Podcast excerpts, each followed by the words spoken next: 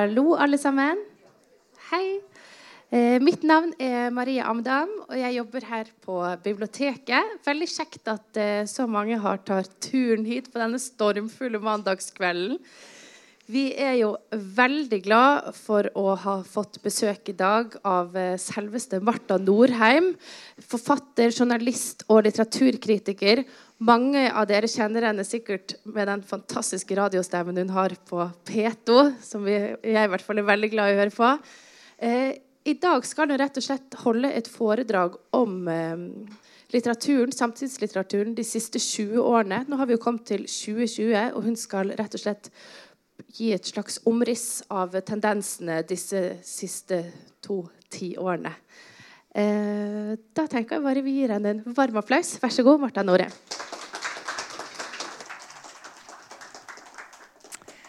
Takk for det.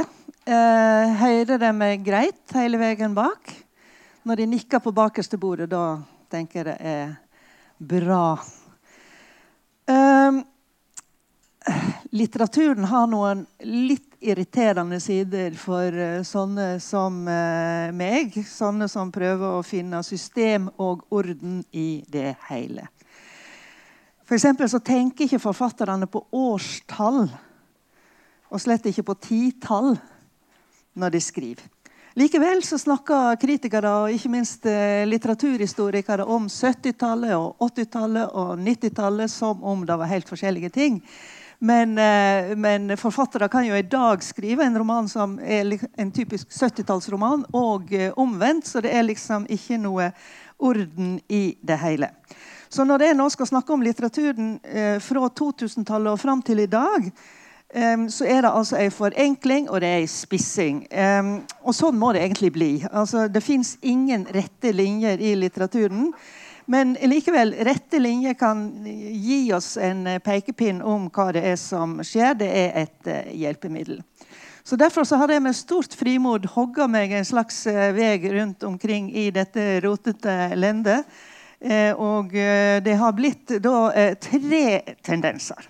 Tre er alltid et veldig bra tall. altså Det er sånn Espen Askeladden og, og eventyret. Tre går an. Fire, da blir det mye å holde styr på. Det ble tre tendenser. Men først litt om tidsspennet. 20 år. La oss dra tilbake til år 2000. Det er før to fly krasja inn i Twin Towers i uh, New York. Det er før W. Bush uh, sa han ville uh, bombe Afghanistan tilbake igjen til steinalderen. Det er definitivt før IS, før den arabiske våren og tilbakeslaget. Vi hadde Internett, men langt mindre utvikla enn i dag. Noen hadde mobiltelefon. Jeg hadde det ikke, men, eh, men mange hadde. Eh, det var den typen som kunne, du kunne ringe med han, og så kunne du skrive SMS-er. Nå ser jeg at det er en del folk som faktisk er gått tilbake igjen til den eh, typen mobil, men de aller fleste av oss går vel med en liten computer i, eh, i lomma. Uh, blogging Det starta sånn ca. i 1997. Da heter det weblogg. Derifra så kommer blogg. Um, men det ble ikke noe sving på det før seinere ut på det første 2010-året. Facebook, sånn som vi kjenner det i dag, ikke The Facebook som de hadde på et universitet i, i USA, men Facebook, vår Facebook, kom sånn ca. 2007. Og på 2000-tallet det fantes ikke Twitter, det fantes ikke Instagram, det fantes ikke eh, kommentarfelt, det fantes ikke nettroll.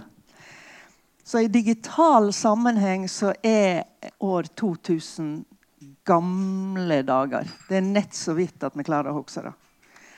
Um, så litteraturen om dette her, den er jo relativt ny, fordi at fenomenet er, er relativt nytt. Og det interessante og kanskje litt skremmende er jo at forfattere som prøver å skrive science fiction, de opplever at uh, virkeligheten har innhenta dem omtrent før de har lansert uh, boka si. Um, De siste par dagene har jeg, eller de siste dagene egentlig, så har jeg jobba med eh, Abu Rasul, alias Mathias Fallbakken. Eh, fordi at han vant P2-lytternes romanpris på lørdag. Prisutdeling i går. Eh, han var i Los Angeles, men var på Skype. Det er også en ganske ny ting. Eh, og jeg skulle snakke litt om eh, bøkene hans. Og da bladde jeg tilbake igjen til eh, hans eh, skandinaviske misantropi som var det han begynte forfatterskapet med, med The Coca-Cola Company i 2001. Og Den var jo en knyttneve inn i norsk offentlighet. og Da var egentlig hele den eh, trilogien som fortsatte med 'Macht und Rebel', og som slutta med 'Unfun'. Og Der tar han for seg eh, masse av disse her nye tendensene, som jo var ekstremt nye på den tida.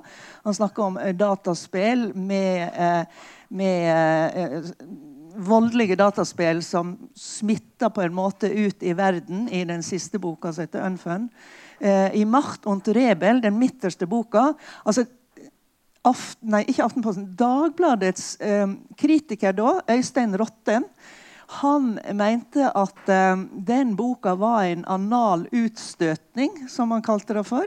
Og han mente at eh, paperback-utgaver burde trykkes på dopapir. Så han var ganske skeptisk. Og eh, det var nok òg litt av formålet til Mathias Fallbakken at han ville virkelig røske opp. Og det, eh, hvis jeg skal prøve å vri ut eh, en, en slags mening eh, ut av dette ganske voldelige eh, dop og sex og eh, banneinfiserte, virkelig skitne universet til Abo Rasul. En kan jo tolke det der etternavnet som en vil, selvsagt. Eh, så må det være at eh, han vil vise hvordan den, den liberale og tolerante velferdsstaten på en måte sluker opp alle forsøk på eh, motstand, motkultur, eh, kamp mot eh, systemet. Og en av personene sier at det er akkurat som du skal kapre en trikk ikke sant? Hva skjer da? Jo, du kommer til siste holdeplassen, og du kommer ikke videre. Der står politiet og tar deg, og så er liksom alt akkurat som før. Det er, det er på en måte eh, Opprøret er ikke mulig. Så gjør eh, Fallbakken Rasul eh, litt av det samme som jeg synes Brett Easton Ellis gjør i 'American Psycho', som noen har kanskje lest eller sett filmen.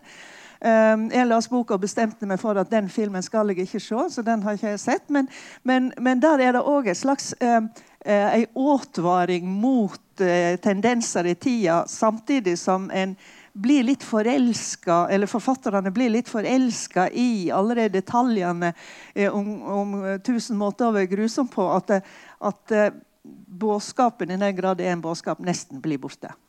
Eh, men det, jeg syns det er fantastisk å lese den trilogien. Det er støtende og det er provoserende. Og det er nettopp presser en til å tenke sjøl, for du får ingen hjelp av noen instanser i boka til Det fins ingen forfatter som sier sånn blunk, blunk, du vet at det, disse er jo galne, men jeg og du leser, vi er jo en annen plass. Det er ingen sånne. Du må på en måte stille opp en, en slags eh, moralsk posisjon sjøl.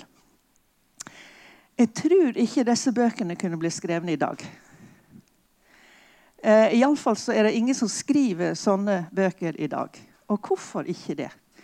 Kanskje det har noe med det jeg sa om uh, uskyld, uh, som sannsynligvis ikke var overveldende på uh, 2000-tallet heller.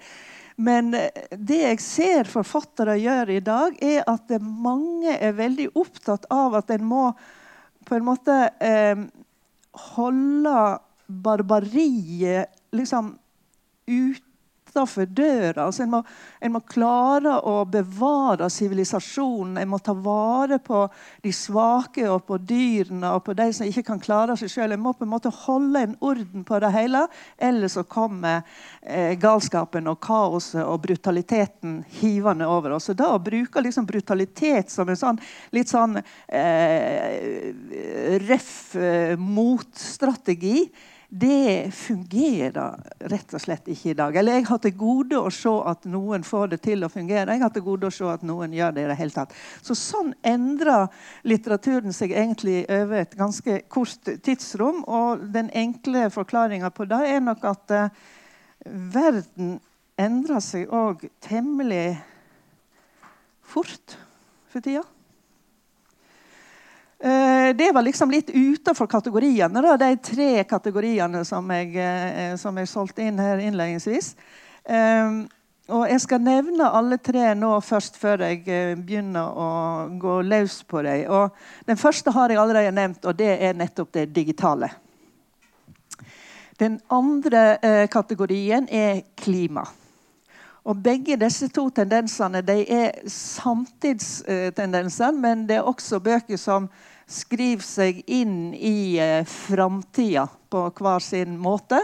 Men ikke mer hver sin måte enn at en del av bøkene eh, er inne i begge de to eh, framtidsperspektivene. Både i Eh, klimaperspektivet og i det digitale. Og dette er ikke lystig lesning, bare for å si det sånn. Det blir, det blir verre. Det blir verre. Det er iallfall forfatterne ganske enige med hverandre om, selv om de skriver svært ulike bøker om det. Og den tredje kategorien det er altså de sjølgranskende eller sjølrefleksive. Um, de har et ganske dårlig rykte. Ikke minst her i Bergen har de et veldig dårlig rykte. Um, det blir sagt at det er navlegransking, det er sutring, at folk velter greiene sine rett ut på papiret uten å ha særlig god uh, litterær form på, på uh, tristessen. Um, de skriver om andre og, ødelegger for andre folk som aldri har bedt om å bli romanpersoner. Jeg mener at denne litteraturen har et ufortjent dårlig rykte. Um, og jeg skal stoppe meg sjøl der, for at jeg har så lett for å snakke om dette. så jeg stopper der, uh, iallfall i første runde. For nå skal jeg begynne med uh, kategori 1 og det er da altså det digitale. Og der har vi en stor litteratur. Uh, og uh, jeg begynner i nåtida og så beveger jeg meg innover i framtida. Og en forfatter det er verdt å merke seg, det er Bjørn Vatne. Uh, er det for Ålesund? Jeg tror han jobber i Sunnmørsposten. Journalist. han har skrevet et par riktig gode bøker. Eh, Bl.a. Eh, den som heter 'Slik skal vi velge våre ofre'. Eh, der møter vi en uh, alenefar, enkemann. Uh, far til Ingrid på fem-seks år eller noe. Uh, om dagen jobber han i et reklamefirma som han hater. om natta, eller iallfall sent på kvelden, så er han bloggeren Kopat med C eh, som slynger kontroversielle eh, standpunkt eh, ut over eh, de som vil lese. Og folk vil lese. Eh, og han merker etter hvert at han blir ganske eh, glad når noen sier 'ja, endelig noen som sier fra'. og sånn og sånn. Og spesielt er det en, en sånn, et sånt pseudonym Kanskje det het noe annet, men i fall, er ikke det ordentlige navnet. En som heter Komus. Som er en skikkelig tøffing. Og, og Grofsa tenker at han vil veldig gjerne ha skryt av Komus. Og han merker at for å utløse den dosen med ros ifra Komus, så må han egentlig dra litt hardere til hele tida. Så det blir på en måte Eh, det blir på en måte som narkotika, men, men altså sånn, du, han må ha høyere og høyere doser for å få samme effekten som han hadde i, i begynnelsen. Eh, så dette blir jo mer og mer ekstremt, og det blir viktig for uh, Grofsa at dette blir to helt separate liv. Eh, han har tross alt en jobb, som han riktignok hater, men det er en jobb der han får penger. Og han er eneforsørger til ei lita jente, og han føler at eh, hele den der, eh, kvinnedominerte pedagogiske og omsorgsindustrien eh, ser på ham med litt mistenkelig blikk og lurer på, mistenksomt blikk og lurer på om han egentlig er en god far. Um, I debatten om hvordan en skal få bukt med de mest negative sidene ved uh, nettet, type hat og trusler, så er det to metaforer som går igjen. Det ene er den trykkokermetaforen. Altså du må, du må lette på trykket, ellers kommer det til å eksplodere. Uh, og Den andre metaforen er at det er et virus eller en bakterie som blir næra og får styrke gjennom å bli stimulert. Og, og disse to ulike metaforene eh, roper jo på to ulike eh, måter å håndtere det på, for så vidt. og når det gjelder Grofsa jeg sier det navnet mange ganger. Jeg synes det er et utrolig bra navn. Jeg vet ikke om det er noen som heter Grofsa, men iallfall her er det Grofsa. Eh, eh, han er jo åpenbart der at han eh, Eh, blir stimulert av, eh, av, nettet til å gå videre og videre. Men det er jo mulig at eh, altså en Grofsa uten, uten, blogg ville vært som en trykkoker uten ventil. Men det lar seg ikke egentlig lese ut av, av teksten. da. Eh, var er Grofsa en god far? Altså, det som iallfall er tydelig, er at eh, både han og dattera Ingrid har sine beste stunder framfor PC-en, men de bruker den til litt forskjellige ting. Hun driver med noe sånn eh, Donkey Kong. Eh, og jeg vet ikke akkurat hva det er, men det høres mer uskyldig ut. for så vidt da. Eh, og dette her er med å, å leve vesentlige deler av sitt liv på, eh, på nett det har eh, Grofsa og Dotter felles med eh, Agnes og Dotter i Marit Eikemos roman 'Alt inkludert'.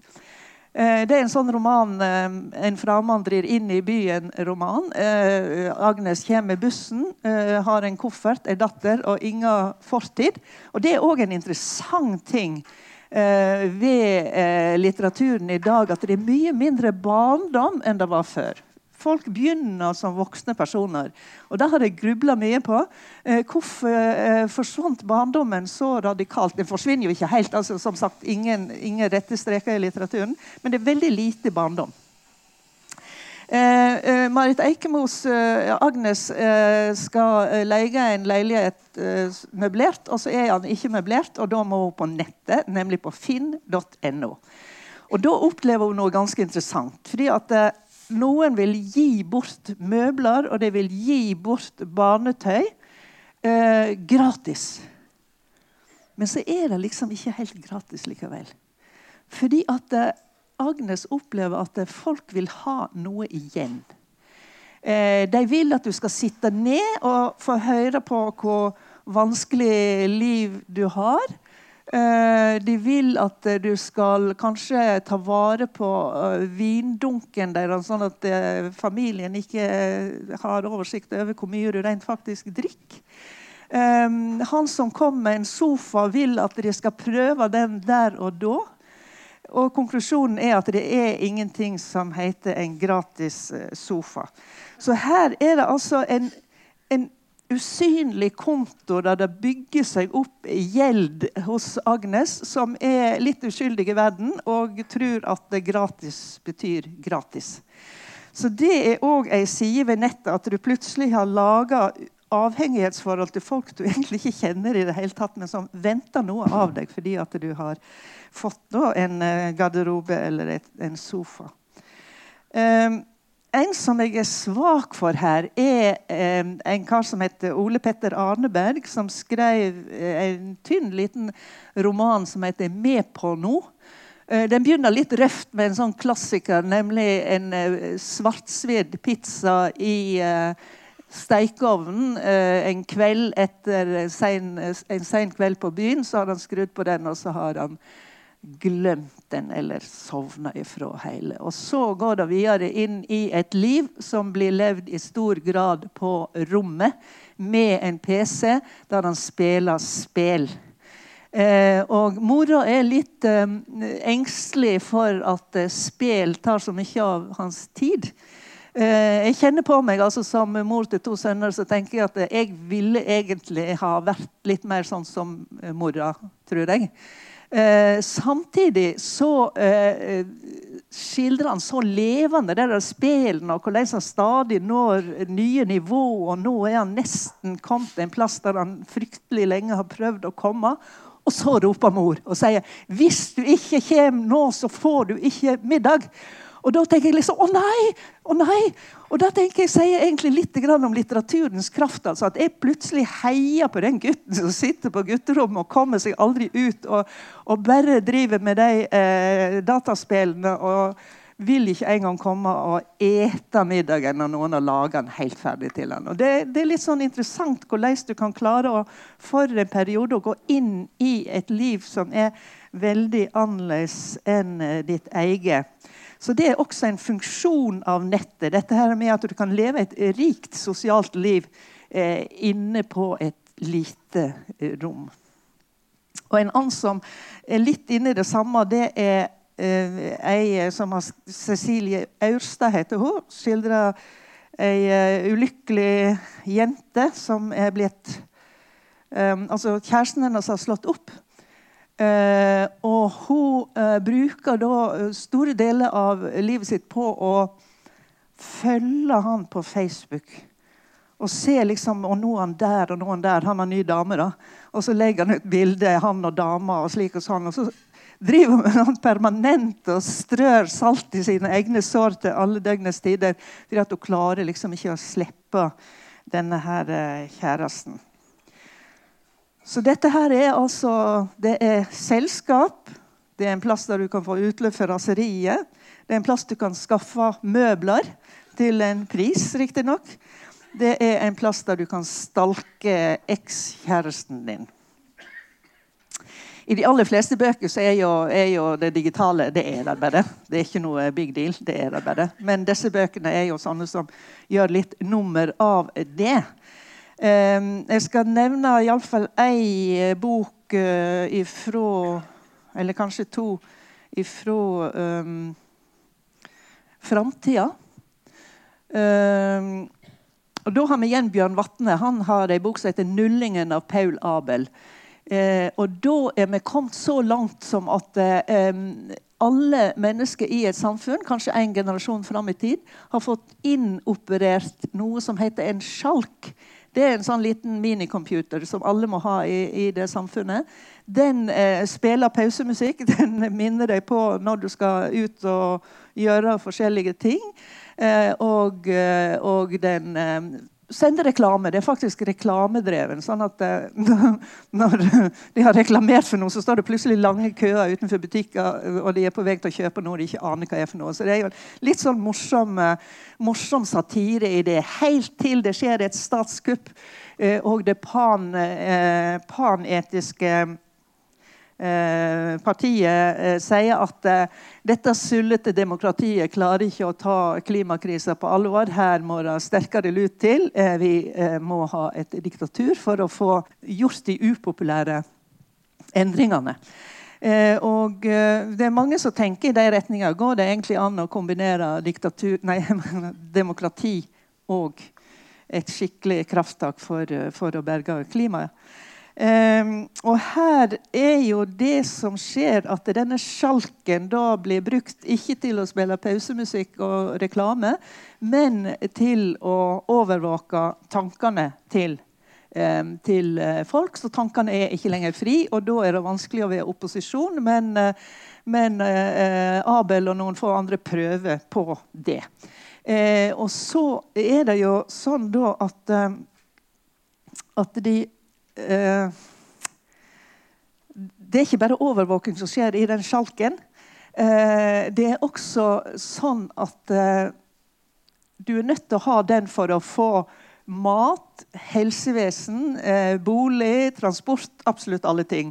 Og dette her var jo science fiction helt til altså, eh, kineserne begynte å overvåke uigurene og, og, bruke veldig tilsvarende middel, selv om de ikke akkurat opererer inn eh, ting. Um, mens Bård Steinsvik han går i en litt annen retning og ser på um, uh, en som lager en avatar. Uh, som er ident eller det er en som blir en prøvekanin, rettere sagt, for en type kunstig intelligens. Så de lager en avatar som er identisk med han. og så og så skal han fylle denne avataren med alt som er sitt. Og det, det som skjer, er jo at han, Eh, han prøvekaninen blir så ufattelig fascinert av denne her avataren, så han føler endelig det er en som forstår meg 100 og, og, og, og som nesten forstår meg bedre enn jeg forstår meg sjøl. Så han havner inn i en sånn eh, ganske avansert, digital, narsissistisk eh, boble. Eh, der han eh, egentlig ikke er så interessert i resten av verden lenger.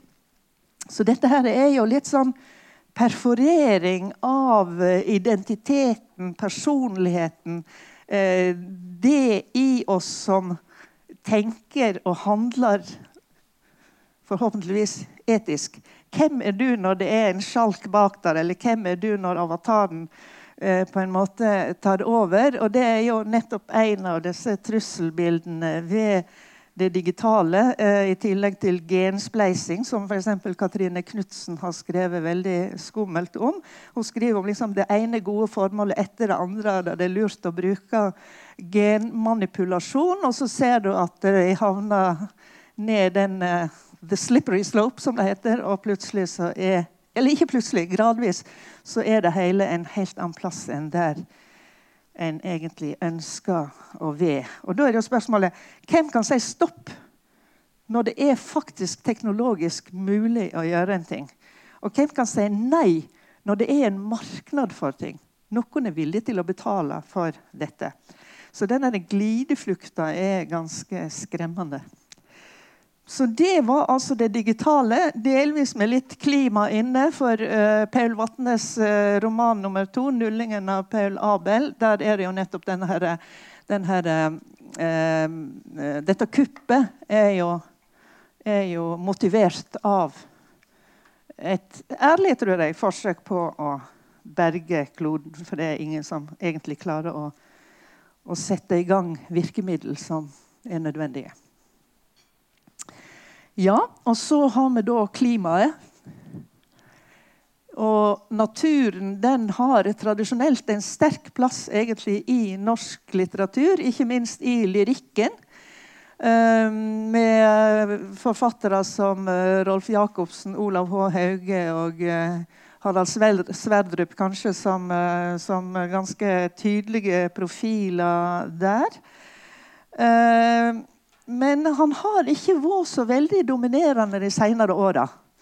Jeg tenker Når det gjelder romaner, så er det liksom ikke noe særlig svung på det med naturromaner etter Finn Alnes sin 'Koloss', der han sendte en kar ut på en ekstremt lang skitur for å hente noe nødvendig medisin.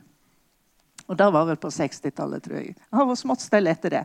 Men nå er det veldig masse om eh, natur. Og, og, hovedgrunnen til det er jo nettopp det med at naturen er blitt uh, trua.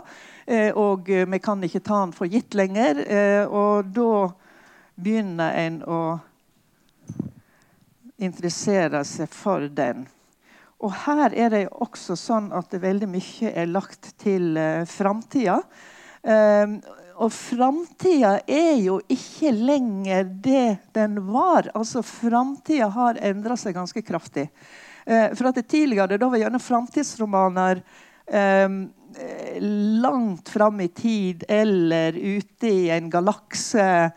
Og sånn 10,000 years from now og så videre. Sånn. Um, så, uh, så, det var liksom fjernt. Uh, men nå har framtida rykka veldig nær. Uh, og er en generasjon unna. Og, og, det som skjer, er akkurat uh, her som vi sitter og opplever storm og springflo. Um,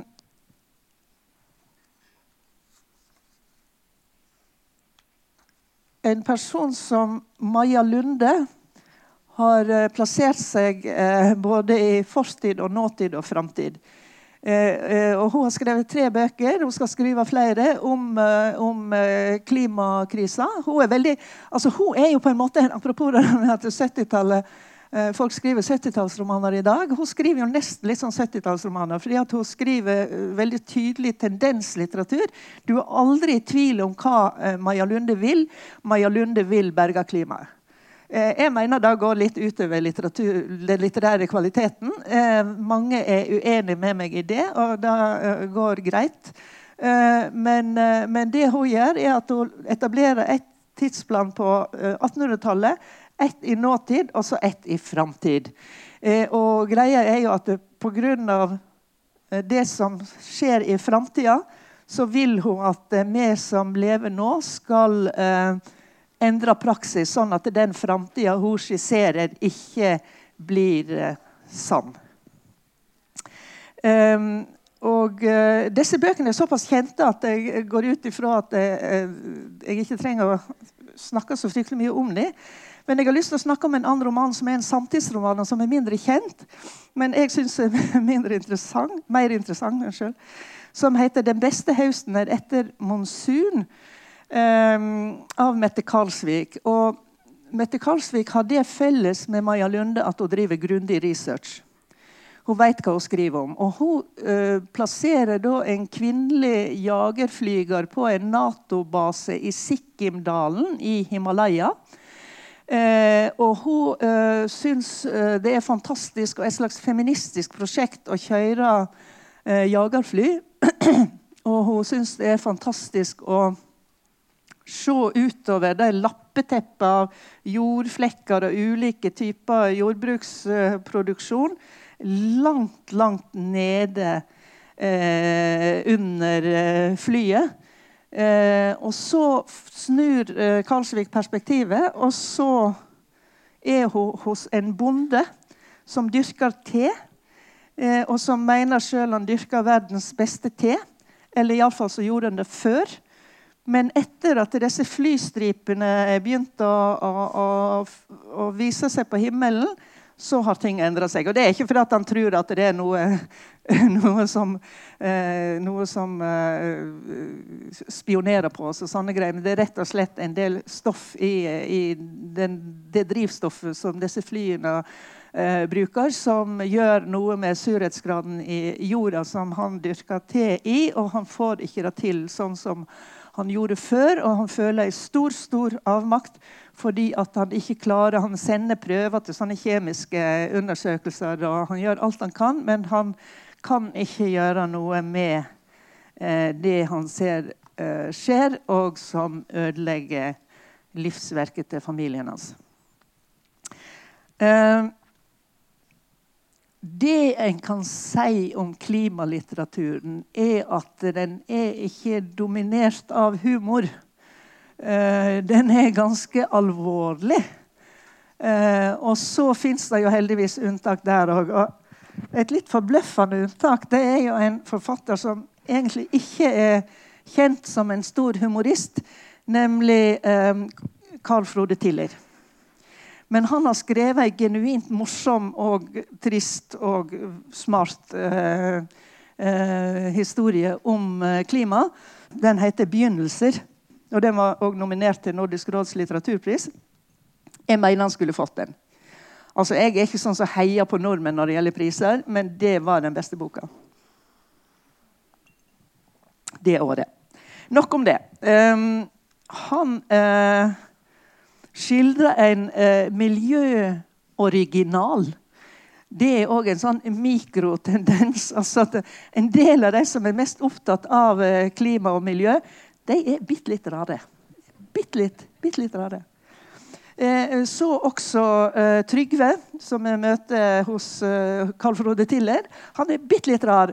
Og han sliter med det som for så vidt mange av oss kan slite med, nemlig å, å, å, å se liksom forskjellen på smått og stort.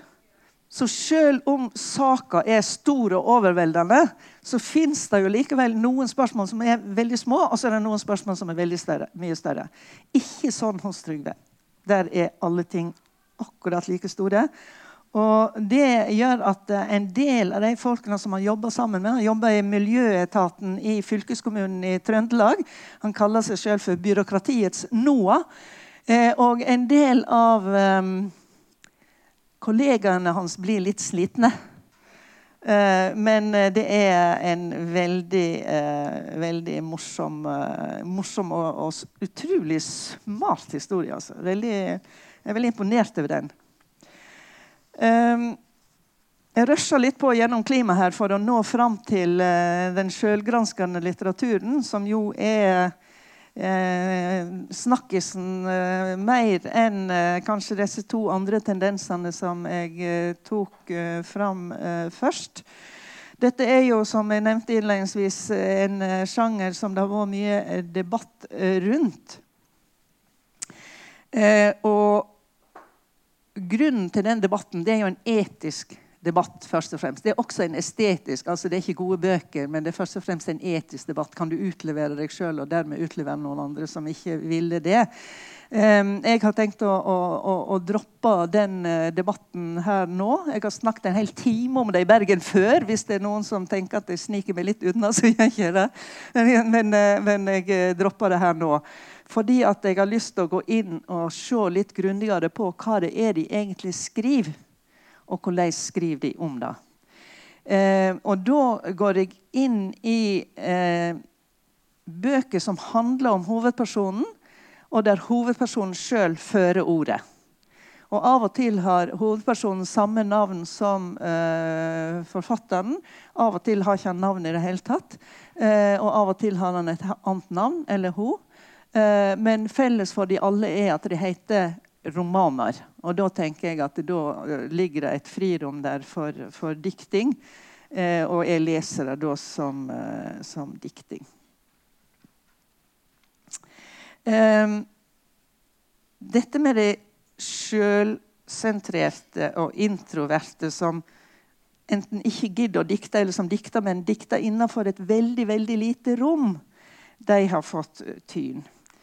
Um, og når jeg sier at jeg syns det er urettferdig, så handler det nok litt om at selv om, eh, om hovedpersonen sitter der og piller navlelo og har en veldig liten verden, så er ikke det det samme som at eh, forfatteren tenker at eh, det er sånn eh, Eller det er ikke sikkert at forfatteren er på samme måten.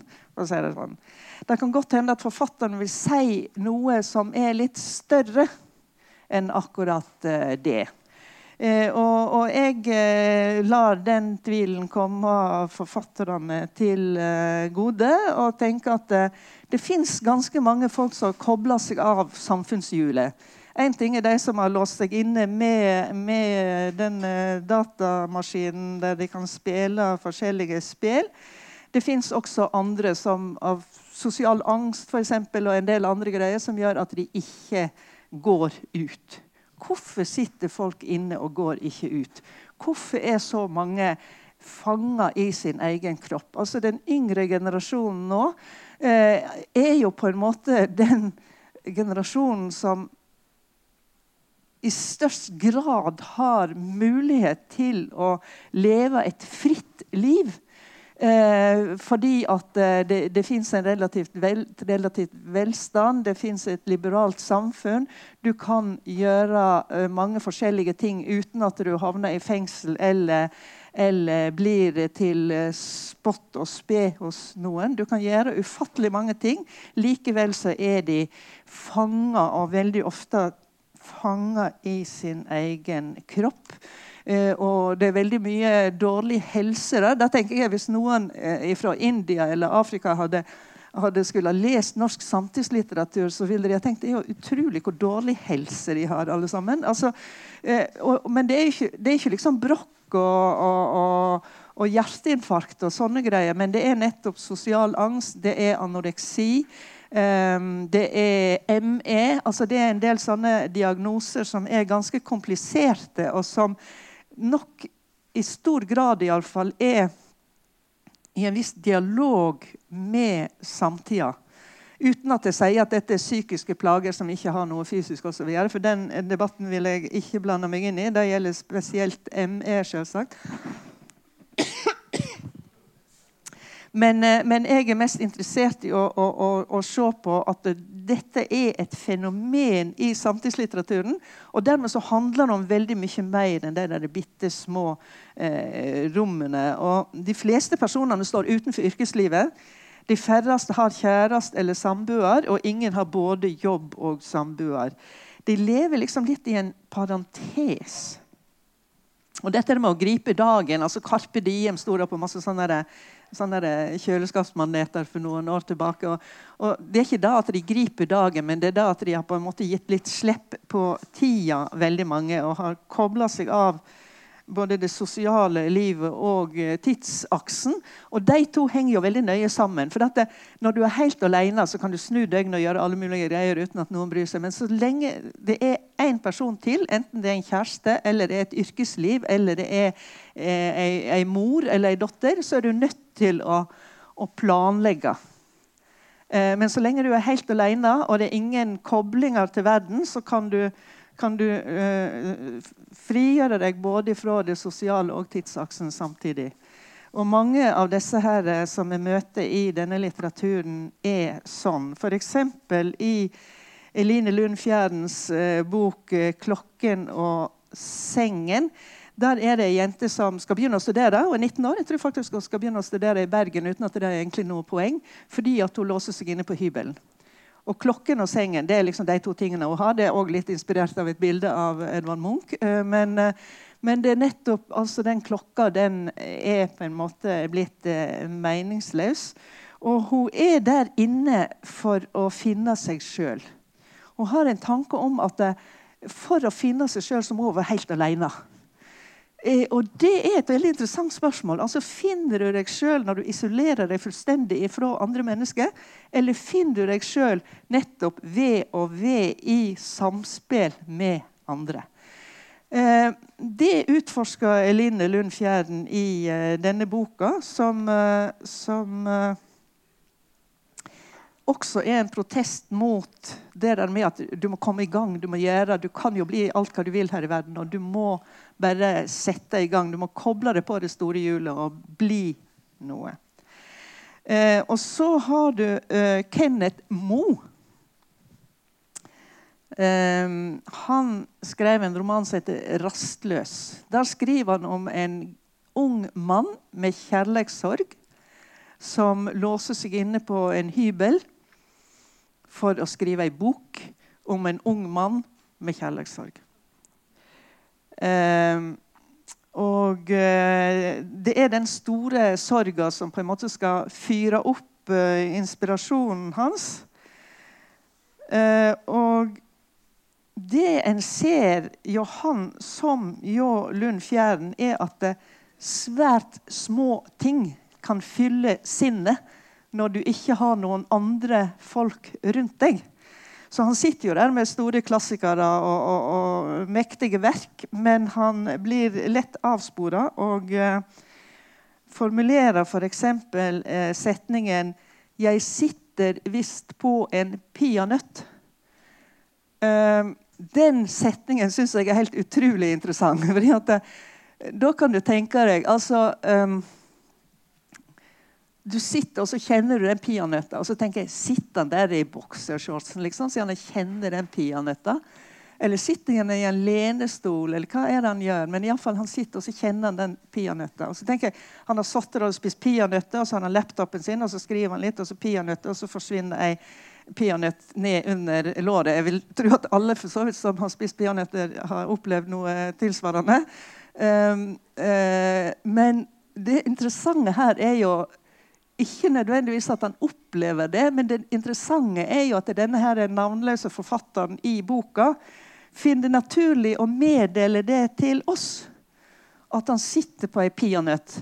Eh, og jeg syns den setningen er genial nettopp fordi at den viser at eh, når du sitter der helt alene og tenker du skal lage ditt store verk, men du har isolert deg fullstendig fra absolutt alt, så er ikke det sikkert du klarer å lage det store verket.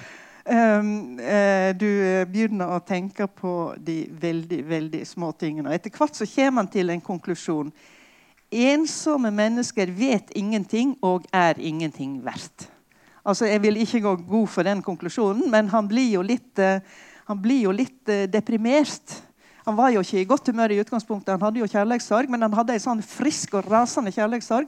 Men så blir han liksom skrur han seg ned av den peanøtta og alt det der. Altså det, det, blir liksom litt stusslig, det hele, for å si det sånn. Og jeg syns det er en veldig morsom bok som er fryktelig liten i, uh, i utsnittet, men som nettopp sier noe ganske interessant. Eh, den siste boka jeg vil snakke om, den handler om ei jente med anoreksi. Det er veldig mange bøker om uh, jenter med anoreksi. Det er òg uh, en god del bøker om jenter med ME. Da skal jeg bare nevne uh, Kjersti Annesdatter Skomsvolds roman 'Monstermenneske', som er en fantastisk sterk skildring av det å ha ME. Um, men, men, her er det altså da Marianne Clementine Håheim som har skrevet en roman som heter 'Svart belte'. Eh, og svart belte det handler om eh, svart belte i det å ikke ete mat. Eh, og denne jenta hun oppdaga i en svært ung alder at eh, de tynne låra er de fineste. Og Da oppdaga hun når hun sitter sammen med noen andre jenter i kortbukser på en uh, mur, en sånn brei mur, regner jeg med at det er, og så sitter de og så da eser liksom lårene litt ut, og så ser hun mine lår er større enn de andre sine. De andre sine lår er finere enn mine. Og da begynner det der å gå. At må på, hun må passe på. Hun må, ikke, hun må ikke ete for mye.